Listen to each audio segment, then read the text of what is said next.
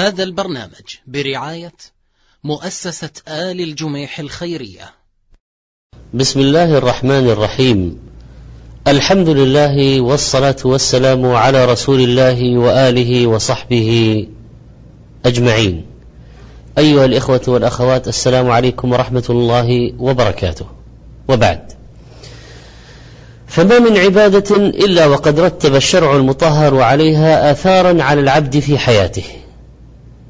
قال شيخ الإسلام إذا لم تجد للعمل حلاوة في قلبك وانشراحا فاتهمه فإن الرب تعالى شكور فلا بد أن يثيب العامل على عمله في الدنيا من حلاوة يجدها في قلبه وقوة انشراح وقرة عين. فحيث لم يجد ذلك فعمله مدخول يعني يوجد فيه خلل. الحج من أعظم العبادات في الإسلام. وآثاره واضحة جلية على الإيمان. ولا بد أن يكون لهذا الحج أثر على الإنسان وكثير من الناس تغيرت سيرتهم بعد الحج.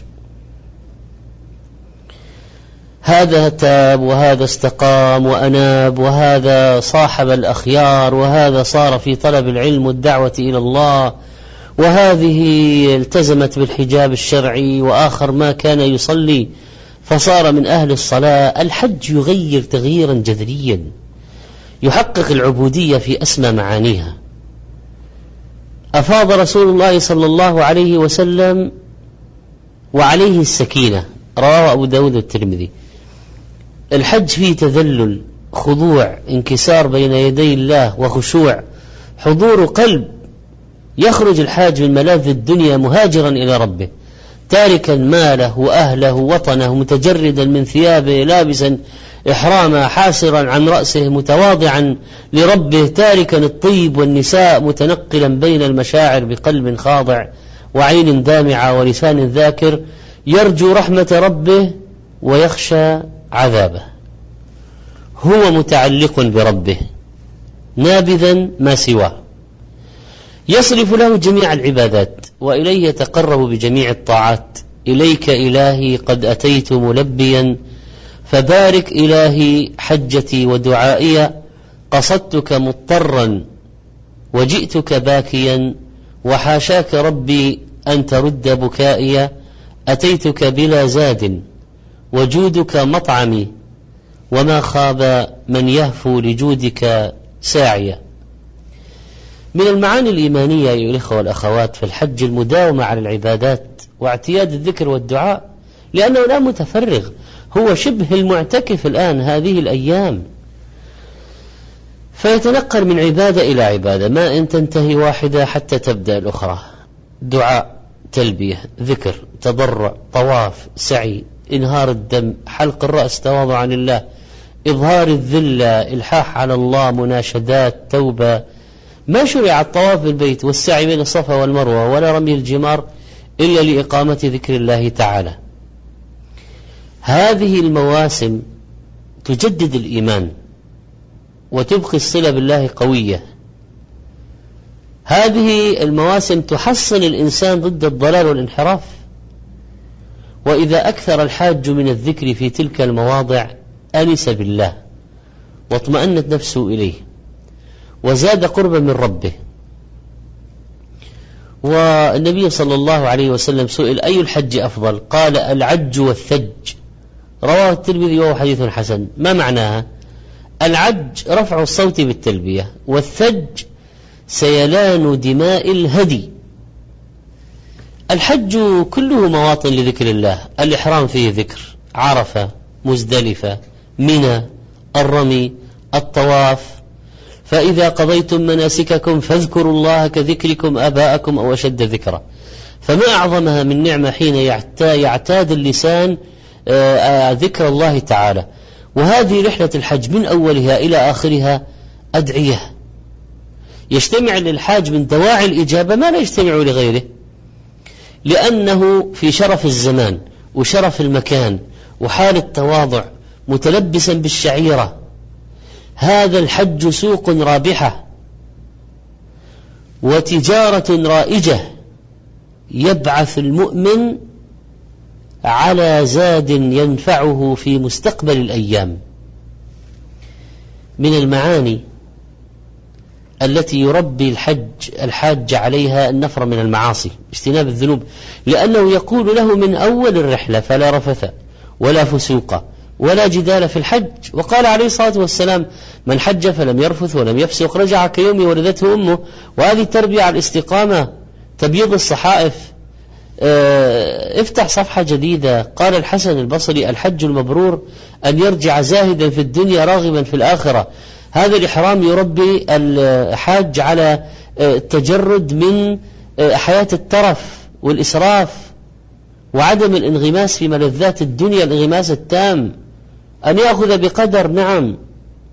لكن ليس أن تضيع الأوقات في المباحات ثم لا توجد لا يوجد المجال للمستحبات بعد القيام بالواجبات. ثم كيف ينغمس بعض الناس في الحرام؟ وهو الآن يتحرز من حلال كان في الأصل حلالا منع منه مؤقتا. هذا هذا الشعور بالتناقض. هو الحاج يقول آه إنني منعت من من قص الشعر والأظفار وإتيان الزوجة والطيب. وهذا كله أصلا المخيط كان حلالا عليه. ثم منع منه مؤقتا. فكيف يأكل الربا ويفعل الفواحش وكيف آه، الحج فيه إجابة لأمر الله. ومعاهدة على الطاعة. ولبيك اللهم لبيك. ولا تكاسل. في يوم عرفة يخاف المؤمن من ذنوبه يتذكر حال السلف الذين كانوا أئمة في العلم والعمل مع صلاحهم وتقواهم يخافون أن يرد حجهم.